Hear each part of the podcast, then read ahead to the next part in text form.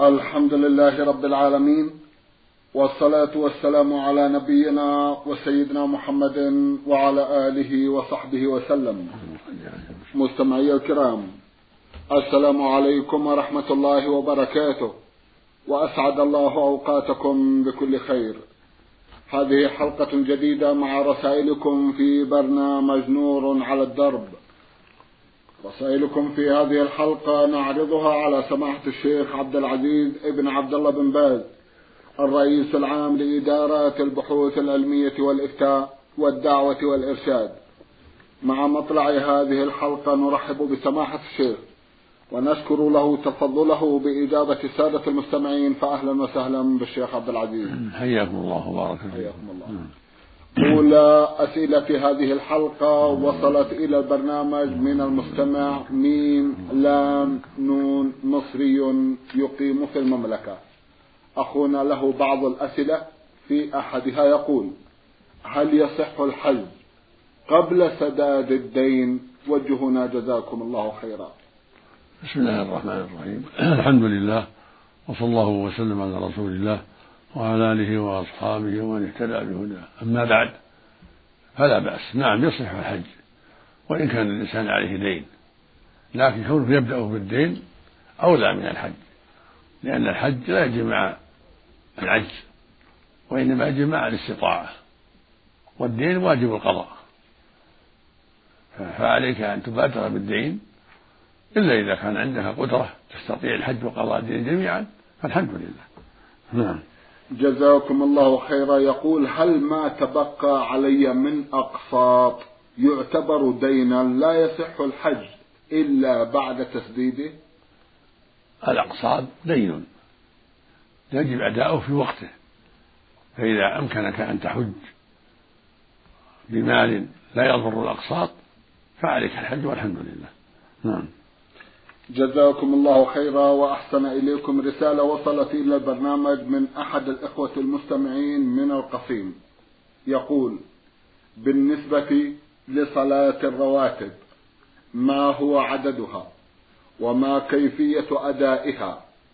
وهل النافلة التي بعد الظهر يمتد وقتها إلى دخول أذان العصر أم لا؟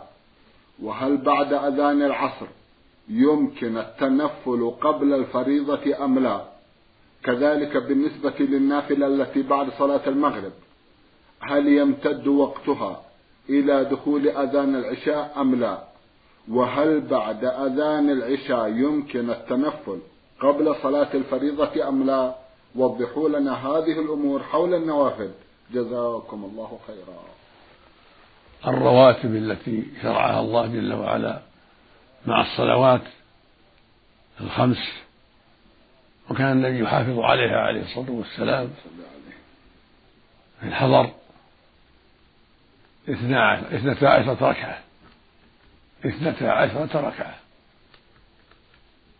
منها أربع قبل صلاة الظهر بعد الزوال يسلم من كل ثنتين وثنتان بعد الظهر تسليمة واحدة. هذه ست. ثنتان بعد المغرب. ثنتان بعد صلاة العشاء. ثنتان قبل صلاة الفجر. هذه الرواتب التي كان يحافظ عليها عليه الصلاة والسلام. في الحضر. أما في السفر فكان يتركها صلى الله عليه وسلم. إلا سنة الفجر. كان في السفر لا يصلي هذه الرواتب. إلا سنة الفجر فإنه كان يحافظ عليها سفرا وحضرا. ويشرع للمؤمن مع صلاة الخمس سوى هذه الرواتب أن يصلي أربعا قبل العصر بعد دخول الوقت. أربع تسليمتين. لقوله صلى الله عليه وسلم رحم الله امرأ صلى أربعا قبل العصر. وهذه غير ليست راتبة. يروى عن النبي صلى الله عليه وسلم كان ربما صلى اثنتين بعد العصر قبل العصر. ربما صلى أربعا قبل العصر لكن ليست راتبة. ولكنها مستحبة إذا صلىها المؤمن والمؤمنة فهو أفضل أربع قبل العصر تسليمتين. وثنتان بعد قبل المغرب. هذه مستحبة بعد الأذان. قبل قبل الإقامة ثنتان. كذلك بعد الأذان العشاء صلي ركعتين قبل صلاة العشاء أفضل وليس من الرواتب. لكن يستحب إذا أذن المؤذن وهو جالس في المسجد أن يقوم فيصلي ركعتين بعد المغرب بعد المغرب بعد أذان العشاء. وإن صلى أكثر فلا بأس.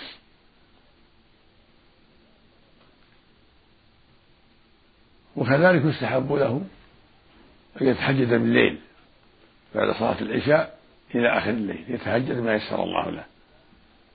ولو بركعة واحدة يوتر بها. وكل ما زاد فهو أفضل أو ترى بثلاث. أو بخمس أو بسبع أو بأكثر يسلم كل اثنتين هذا هو الأفضل. والأفضل إحدى عشرة أو ثلاثة عشرة. وإن نقص أو زاد فلا بأس. يسلم من كل اثنتين تأسم بالنبي صلى الله عليه وسلم. في ذلك.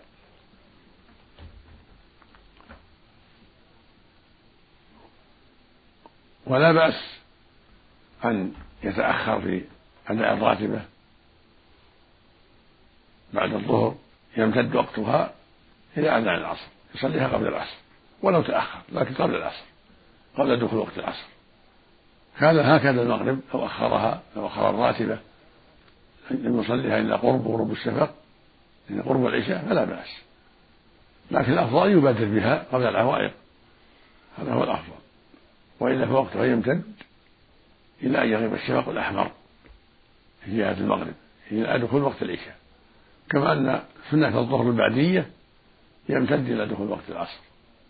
لكن إذا بادر بهذه وهذه قبل دخول الوقت الذي بعدها هو الذي أولى له حتى لا يعرض له عارض والأفضل في بيته إذا صلى في البيت فهو أفضل وإن صلاها في المسجد فلا بأس لكن في البيت أفضل. نعم. جزاكم الله خيرا يستوي هذا الحكم سماحة الشيخ وهذا التوجيه يستوي في حق الرجال وحق النساء نعم نعم للرجال والنساء جميعا الحمد لله الحكم عام للرجال والنساء نعم. بارك الله نعم. فيكم وجزاكم الله خيرا نعم. تقول صاحبة الرسالة رميت الجمرات في اليوم الأول وفي اليوم الثاني وكلت زوجي رغم أني قادرة وذلك لأسباب وهو أننا كنا في مكان بعيد والرجل يخشى علينا من التعب فقمت أنا ومجموعة من النساء بتوكيل أزواجنا. هل ما فعلناه صحيح؟ جزاكم الله خيرا. فيه نظر. مع والقدرة فيه نظر. والواجب على الحاج أن يرمي الجمرات بنفسه وهكذا الحاجة المرأة ترمي بنفسها. إلا عند العجز من رضيها أو كونها حبلى أو عندها رضيع لا تستطيع تركه فهي معذورة. أو كبيرة السن أما مجرد التعب التلافي يمكن بالسيارة ركوب السيارات يمكن ركوب السيارة والتقرب إلى المرجم بالسيارات. فالأحوط لكن الفدية ذبيحة عن كل واحدة منكن بسبب ترك الرمي. لأن الوكالة بدون وجه شرعي حكمها حكم الترك. فعلى كل واحدة منكن ذبيحة تذبح مكة للفقراء بسبب عدم الرمي الذي تركتن تركتنه تركتنه بدون عذر شرعي. لأنه مجرد البعد ليس بعذر لوجود السيارات نعم. جزاكم الله خيرا. سماحة الشيخ يتعذر للسيارات الحركة في مثل هذا الموسم ما بين الجمرات والأماكن التي يقيم فيها الناس. فما هو توجيهكم؟ مثل ما السيارات تشيل الرجال تشيل النساء تقربهم. ألا إذا كان مهنا سيارة توصل وهي عاجزة فهو مع شيء معذوره كالمريضه بارك الله إذا كان مهنا سيارة تنقل النساء والرجل يمشي بنفسه ما تستطيع نعم. هذا معلوم كالرجل كالرجل العاجز. إذا عجز يوكل. نعم. جزاكم الله خيرا. نعم. الواقع أنه يتعذر حركة السيارات. هذه قاعدة قاعدة. لا يكلف الله نفسا إلا وسعها. فاتقوا الله ما استطعتم. الحمد لله. فإذا كان الرجل كبير السن أو منه بعض المرض لا يستطيع المشي وليس هناك سيارات توصله أو المرأة كذلك فالحكم فالحكم واحد. ليس عليهم ليس عليهم شيء. بارك الله والوكيل والوكالة تجزئ. بارك الله نعم. فيكم وجزاكم الله خيرا. بالنسبة للزحام الشديد هل تعذر المرأة في ترك الرمي من أجل شدة الزحام سماحة؟ نعم. إذا كان عليها خطر. فهو عذر لها. نعم. جزاكم خيرا. نعم. توكل. نعم. بارك الله وإن رمت بالليل وتيسر بالليل عن يوم العيد وعن يوم الحادي عشر والثاني عشر كفى في الليل. إذا تيسرها من دون مشقة وخطر نعم. نعم. لعله أيسر. نعم. جزاكم الله خيرا وأحسن إليكم. تقول أنا مقيمة في المملكة حاليا وملتزمة بالحجاب الشرعي وعندما أرجع أترك الحجاب وأكشف الوجه والكفين لأن البلد كله على ذلك الحال فهل صلاتي وزكاتي وحجي وجميع أعمالي تكون باطلة لتصرفي هذا؟ جزاكم الله خيرا. ليست أعمالك باطلة. هذه معصية ولكن أعمالك إن شاء الله صحيحة وليست باطلة. ولكنك أخطأت في التساهل ولو أن أهل البلد تساهلوا لا تساهلي أنت. فإذا أن أهل البلد شربوا الخمر لا تشرب الخمر. وإذا تركوا الحجاب لا تتركوا الحجاب. وإذا صاروا يغتابون الناس لا تغتابين الناس أنت.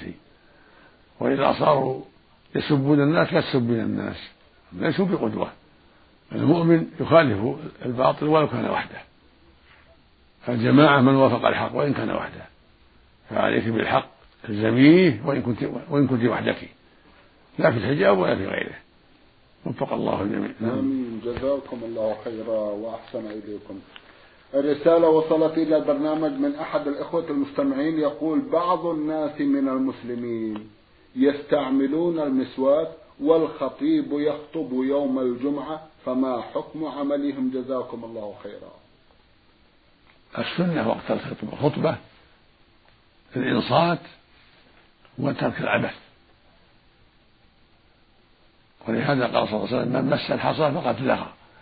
السنة أن يترك السواك ويترك العبث بالحركة ويقبل على الخطبة مستمعا منصتا خاشعا هذا هو الأولى بالمؤمن. ولو أن السواك مشروع لكن في غير المحل. مشروع عند الدخول في الصلاة عند الوضوء. يكون أن يتسوق في هذه الحالة. الأولى ترك ذلك لأنه قد يشغله عن الاستماع المطلوب. مثل ما أن تمس الحصى أو شبه ذلك. قد يشغله عن ذلك. نعم. جزاكم الله خيرا وأحسن إليكم. رسالة بتوقيع أحد الإخوة المستمعين يقول ابنكم دال ها فا له قضية يقول فيها أنا شاب ولي أمر عائلتي. وتقدم لأختي شاب خاطبا لها. إيه، نعم. أنا شاب ولي أمر عائلتي. نعم. وتقدم لأختي شاب خاطبا لها. وبعد التأكد من استقامته قبلت به بعد موافقة والدتي أيضا وتمت بعد ذلك الرؤيا بين أختي وذلكم الشاب وبحمد الله كل منهما موافق. ولكن بعد أيام فوجئت بتحول رأي الوالد عن هذا الزواج. بحجة بحجة صغر سن هذه الأخت. يا سماحة الشيخ إنه سبق وأن تقدم ثلاثة خطاب قبل هذا الشاب وترفض الوالدة بحجة صغر سن البنت علما بأن عمرها يقارب الرابعة والعشرين. وجهوني كيف أوفق بين وجوب تزويج هذه البنت وبين رضا والدتي وتصرفاتها هذه. جزاكم الله خيرا. بنت 24 ليست صغيرة بل كبيرة قد تجاوزت وقت الزواج. فلا يجوز لوالدتك أن تمنع ولا أن تحتج بهذه الحجة. وإذا كانت البنت راضية فزوجها ولو لم ترضى أمك. يجب عليك أن تزوجها لأن في ذلك عفتها والسعي في سلامة عرضها. والجمع بينها وبين الخاطب المناسب والحمد لله. والرسول يقول صلى الله عليه وسلم إنما الطاعة في المعروف. لا طاعة المخلوق في معصية الخالق. والتأخر عن تزويجها مع وجود الكفر ومع رابطها معصية. فالواجب عليك تنفيذ الزواج والمشورة على والدتك بالكلام الطيب أن تسمح وأن ترضى حتى يكون الأمر إن شاء الله عن رضا الجميع. فإن أبت وأصرت فطاعة الله مقدمة. إذا كانت البنت راضية. نعم. جزاكم الله خيرا وأحسن إليكم. من الأردن رسالة بعثت بها المستمعة ناجية. تسأل ثلاثة أسئلة. في أحدها تقول ما الحكم في من حفظ القرآن الكريم ثم نسيه الحكم في ذلك أن يجتهد في استعادته ويحرص على ذلك والله جل وعلا يوفقه إذا صدر ولا شيء عليه. الحديث اللي فيه الوعيد ضعيف ولا حرج عليه في ذلك. إنما الوعيد في من نسي العمل به وتركه وأعرض عنه. أما من حفظه ونسيه أو نسي بعضه فلا شيء عليه. إنما عليه يجتهد ويحرص في استعادة حفظه. والله جل وعلا كتب على بني آدم النسيان. من طبيعة البني آدم النسيان. يقول النبي صلى الله عليه وسلم وأفضل الخلق إنما أنا بشر أنسى كما تنسون. فإذا نسيت فذكروني. أما حديث من حفظ القرآن ثم نسيه لقي الله وأجدم فهو حديث ضعيف. وأما قوله جل وعلا ومن أعرض عن ذكري فإن له معيشة ضنكا ونحشره يوم القيامة أعمى قال رب لما حشرتني أعمى وقد كنت بصيرا. قال كذلك أتتك آياتنا فنسيتها وكذلك اليوم تنسى. يعني نسي العمل والقيام بحق الله. ليس المراد نسي الألفاظ. المراد أنه أعرض عن العمل وترك العمل. نسأل الله العافية. نعم. جزاكم الله خيرا وأحسن إليكم. تسأل وتقول هل من السنة حلق شعر البنت الوليدة؟ الحلق يكون لشعر الولد. أما البنت فلا.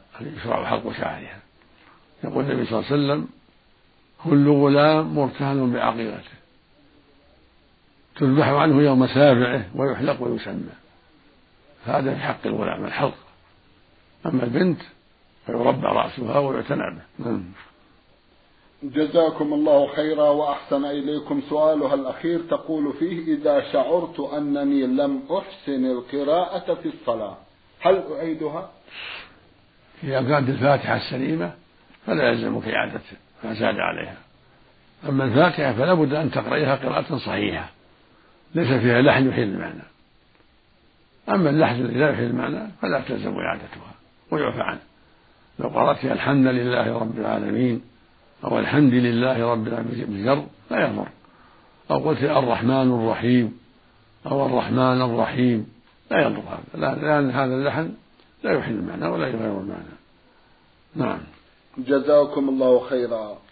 رسالة وصلت إلى البرنامج من أحد الإخوة المستمعين يقول في أسئلته في هذه الرسالة إذا كان الإنسان لا يصلي ولا يصوم في فترة من حياته ثم تاب وأقام الصلاة وصام رمضان هل يلزمه قضاء الصلاة والصيام أم لا؟ الصواب أنه لا يلزمه ذلك والتوبة تكفي والحمد لله. التوبة الصحيحة النصوح تكفي والحمد لله. يقول النبي صلى الله عليه وسلم التوبة تجب ما تجب ما قبلها والإسلام يهدم ما كان قبله وتارك الصلاة يكفر بذلك. فإذا أسلم وتاب فليس عليه إعادة. كسائر الكفار إذا ارتد كسائر من ارتد ثم رجع لا يقضي. نعم. جزاكم الله خيرا وأحسن إليكم. يقول أرجو ذكر الأيام التي يستحب فيها الصيام. صيام التطوع. جزاكم الله خيرا. يستحب للمسلم والمسلمة صيام الاثنين والخميس إذا تيسر ذلك. وإذا كان لها زوج فلا بد من رضا الزوج. وست أيام من شوال الفطر الأول. ويستحب أيضا صيام عشرة ذي الحجة إذا تيسر ذلك من أولها إلى التاسع لغير الحاج. أما الحاج فلا يصوم التاسع. هو عرفة وإن صام يوما وأفطر يوما هذا أفضل الصيام. صيام يوم وفطر يوم هذا أفضل الصيام. ويستحب الصيام ثلاثة أيام من كل شهر. وإذا كانت أيام البيض كان أفضل يوم الثالث عشر والرابع عشر والخامس عشر. هذه أفضل. وإن صامها في غير البيض فلا بأس. نعم. جزاكم الله خيرا وأحسن إليكم في سؤاله الأخير. يقول كم هو أو كم هي ركعات التهجد؟ أفضلها إحدى عشرة أو ثلاثة عشرة يسلم من كل اثنتين. هذا فعل النبي صلى الله عليه وسلم في الغالب عليه الصلاة والسلام. وإن صلى أكثر عشرين أو أكثر أو أقل فلا بأس. ولو واحدة في كل ليلة بعد العشاء أو في آخر الليل. لكن الأفضل إحدى عشرة أو ثلاثة عشرة. يسلم من كل اثنتين ويوتر بواحدة. وهذا هو فعله صلى الله عليه وسلم في الغالب عليه الصلاة والسلام. وربما أوتر بثلاث ربما أوتر بخمس ربما أوتر بسبع ربما أوتر بتسع عليه الصلاة والسلام. لكن الأفضل والأغلب من فعله إحدى عشرة أو ثلاثة عشرة. ومن أوتر بعشرين وصلى عشرين وأوتر بثلاث أو بواحدة أو أوتر بثلاثين وصلى واحدة أو ثلاث كله طيب لا حرج. ليس له حد محدود. يقول النبي صلى الله عليه وسلم صلاة الليل مثنى مثنى. فإذا خشى الصبح صلى ركعة واحدة. كتب له ما قد صلى. نعم ولم يحدد حدا في ذلك عليه الصلاة والسلام. نعم. جزاكم الله خيرا وأحسن إليكم رسالة وصلت إلى البرنامج من أحد الإخوة المستمعين وضمنها عددا من الأسئلة يسأل في أحدها ويقول إذا تعاقد الرجل مع شركة ثم إن هذه الشركة اشترطت عليه ألا يعمل في جهة أخرى فأدى عمل هذه الشركة ثم عمل هل يكون ما كسبه من المال محرم أم يكون حلالا؟ يقول النبي صلى الله عليه وسلم المسلمون على شروطهم. فإذا تعاقدت معه على أنه يعمل معها كذا وكذا ساعة ولا يعمل مع غيرها والتزم بذلك فالظاهر أنه يلزمه ذلك. لأن عمله مع غيرها قد يضر عملها قد يتعبه قد يأتيه تعبان. ما ينصح في العمل؟ فالحاصل أنه إذا كان التزم بالشرط ليس له ذلك. والأموال التي أخذها بهذا الطريق لا تحل لأنه أخذها بغير حق. والرسول صلى الله عليه وسلم قال المسلمون على شروطهم. نعم. جزاكم الله خيرا وأحسن إليكم المستمعة هديل من تبوك بعثت برسالة وضمنتها جمعا من الأسئلة. في أحدها تقول هل يجوز أن يلبس الأطفال الذكور الذهب أم لا؟ وإذا كانت أعمارهم تقل عن السنتين. جزاكم الله خيرا. لا يجوز تلبيس الذكور الذهب مطلقا ولو كان في أقل من سنتين. الذهب حل للإناث حرام على الذكور سواء كان خواتيم أو ساعات أو غير ذلك. لا يجوز إلباس الطفل الذكر الذهب كما لا يجوز لباس الرجل الكبير وإنما الذهب للنساء. نعم. جزاكم الله خيرا وأحسن إليكم. تقول هل يجوز تنظيف الزجاج بالدقيق أم أن هذا حرام؟ ما نعلم فيه بأس. تنظيف بالدقيق والعلاج بالدقيق والصرف بالدقيق. الله جعله نعمة لنا وننتفع في العلاج والدواء. وتنظيف الزجاجة إذا كان ينفع في ذلك. نعم. جزاكم الله خيرا وأحسن إليكم. ما هو توجيهكم لمن يقوم بغسل الأرز ويكب ماءه في المجاري؟ هل هذا جائز أو لا؟ لا بأس بكبه في المجاري إذا كان ما فيه رز ينتفع به حبات يسيرة أو شيء لا ينتفع به. أما إذا كان في حب الحب يأخذه. يصب الماء الذي هو الوسخ فقط. أما الحبوب من الحنطة أو من الرز لا يوقعها في المجاري لكن لو فات عليه حبة أو حبتين من غير قصد لا يضره جزاكم الله خيرا وأحسن إليكم. تقول سمعت بأنه لا تجوز قراءة القرآن أثناء السجود. فهل يجوز قراءة الأدعية الموجودة في القرآن؟ مثال ربنا آتنا في الدنيا حسنة وفي الآخرة حسنة وقنا عذاب النار. الرسول صلى الله عليه وسلم نهى عن قراءة القرآن في الركوع والسجود.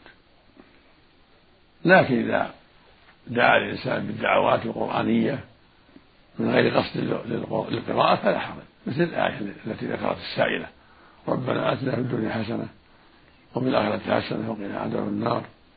مثل قول سبحانه ربنا لا تزغ قلوبنا بعد إذ هديتنا وهب لنا من لدنك رحمة إنك أنت الوهاب. لا حرج في ذلك. بنية الدعاء. نعم.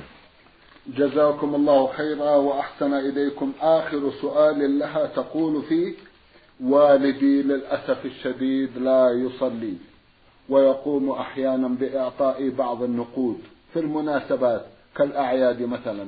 فهل يجوز لي أخذها؟ وإذا أخذتها وتصدقت بها فهل تصح الصدقة أم لا؟ جزاكم الله خيرا. لا بأس بأخذ الدراهم من والدك ولا بأس بالصدقة بها أو الانتفاع بها لا حرج في ذلك. مع النصيحة لوالدك بالكلام الطيب تخويفه من الله جل وعلا حتى على الصلاة. كذلك تشجيع أعمامك إن كان لك أعمام أو إخوة كبار ينصحونه أو جيران جيدين ينصحونه. لا تغفلي ولا يغفل إخوانك ولا أعمامك عليكم أن تتقوا الله فيه وأن تنصحوه وأن تستمروا في ذلك. أما هدية فاقبلوا هذا حرج في ذلك. نعم. جزاكم الله خيرا وأحسن إليكم المستمعة أسماء محمود عثمان مقيمة في المملكة تقول أريد أن أعرف دعاء السجود الخاص بالسجود وهل هناك دعاء للركوع؟ جزاكم الله خيرا. السجود يدعو فيه المؤمن بما يسر الله له. السجود يدعو فيه المؤمن والمؤمنة بما يسر الله من الدعوات الطيبة. ولو لم تنقل عن النبي صلى الله عليه وسلم. ومن دعاء النبي صلى الله عليه وسلم اللهم اغفر لي ذنبي كله دقه وجله وأوله وآخره وعنته وسره. ثبت عنه كان يدعو بهذا في السجود عليه الصلاة والسلام. اللهم اغفر لي ذنبي كله دقه وجله وأوله وآخره وعنته وسره وإذا دعا الإنسان في السجود بغير هذا مثل اللهم يا مقلب القلوب ثبت قلبي على دينك ويا مصرف القلوب صرف قلبي على طاعتك. اللهم إنك عفو تحب العفو فاعف عني. اللهم اغفر لي ولوالدي لك ولله مسلمين اللهم اغفر لي ولوالدي ولجميع المسلمين. اللهم أصلح قلبي وعملي وما أشبه ذلك من الدعوات الطيبة. ويستحب أن يقول في الركوع والسجود؟ سبحانك اللهم ربنا وبحمدك اللهم اغفر لي فهو تعظيم معه دعاء. يقال في الركوع والسجود سبحانك اللهم ربنا وبحمدك اللهم اغفر لي ولكن الركوع لا يدعى فيه إلا بهذا فقط. الركوع محل تعظيم. يقول النبي صلى الله عليه وسلم أما الركوع فعظموا فيه الرب. وأما السجود فاجتهدوا في الدعاء. فقبل يستجاب لكم. فحري أن يستجاب لكم. لكن إذا قال في الركوع سبحانك اللهم ربنا وبحمدك اللهم اغفر لي فهذا مشروع. كان يفعله النبي صلى الله عليه وسلم. وهذه الدعوة التابعة اللهم اغفر لي تابعة للتعظيم. فلا حرج فيها. نعم. جزاكم الله خيرا وأحسن إليكم. تقول عن نفسها إنني أقرأ كل يوم جزءا من كتاب الله الكريم معظم الأيام بعد صلاة الفجر وأحيانا في النهار. لكني سمعت أناسا يقولون إن قراءة القرآن في الثلث الأخير من الليل كما أنهم يقولون إن قراءة سورة الكهف يوم الجمعة لا تصح إلا بعد طلوع الشمس وبعد الانتهاء منها يقرأ سورة ياسين وسورة الرحمن وسورة الواقعة وسورة الملك. وجهوني حول هذه القضايا جزاكم الله خيرا. أعد تقول إنني أقرأ كل يوم جزءا من كتاب الله الكريم. معظم الأيام بعد صلاة الفجر وأحيانا في النهار. لكني سمعت أناسا يقولون إن قراءة القرآن في الثلث الأخير من الليل. كما أنهم يقولون إن قراءة سورة الكهف يوم الجمعة لا تصح إلا بعد طلوع الشمس. وبعد الانتهاء منها يقرأ سورة ياسين وسورة الرحمن وسورة الواقعة وسورة الملك. وجهوني حول هذه القضايا. جزاكم الله خيرا. قراءة القرآن مشروعة في كل وقت بعد الفجر وبعد الظهر وبعد العصر وبعد المغرب وبعد العشاء وفي آخر الليل. فالذي يقول لك إنها في آخر الليل هذا غلط عن جاهل جاهل مركب لا وجه له. وعملك في قراءته بعد الفجر؟ عمل طيب. يعني بعد الفجر النفس طيبة وفي راحة بعد النوم. فحري فحرية أن تدبري وأن تستفيدي أكثر. فالمقصود أن القراءة في جميع الأوقات كلها طيبة من ليل أو نهار. ولكن عليك يستحب لك أن تحري أن تتحري الوقت المناسب الذي يكون خشوعك فيه أكثر وفراغك فيه أكمل حضور قلبك فيه أطيب وأكمل. هذا هو الأفضل في الليل أو النهار. وأما قراءة الكهف تقرأ الكهف في أي وقت من الجمعة بعد صلاة الفجر أو بعد الشمس أو بعد الصلاة أو بعد العصر كله طيب. الأفضل قراءته يوم الجمعة في أي جزء من الجمعة. وأما أن يقرأ بعدها ياسين والملك والواقعة وما ذكرت هذا لا أصل له. كل هذا ما له أصل. نعم. جزاكم الله خيرا وأحسن إليكم سماحة الشيخ في ختام هذا اللقاء. أتوجه لكم بالشكر الجزيل بعد شكر الله سبحانه وتعالى على تفضلكم بإجابة سالة المستمعين وآمل أن يتجدد اللقاء وأنتم على خير. نعم. مستمعي الكرام كان لقاؤنا في هذه الحلقة مع سماحة الشيخ عبد العزيز ابن عبد الله بن باز الرئيس العام لإدارات البحوث العلمية والإفتاء والدعوة والإرشاد. شكرا لسماحته. وأنتم يا مستمعي الكرام شكرا لحسن متابعتكم وإلى الملتقى وسلام الله عليكم ورحمته وبركاته.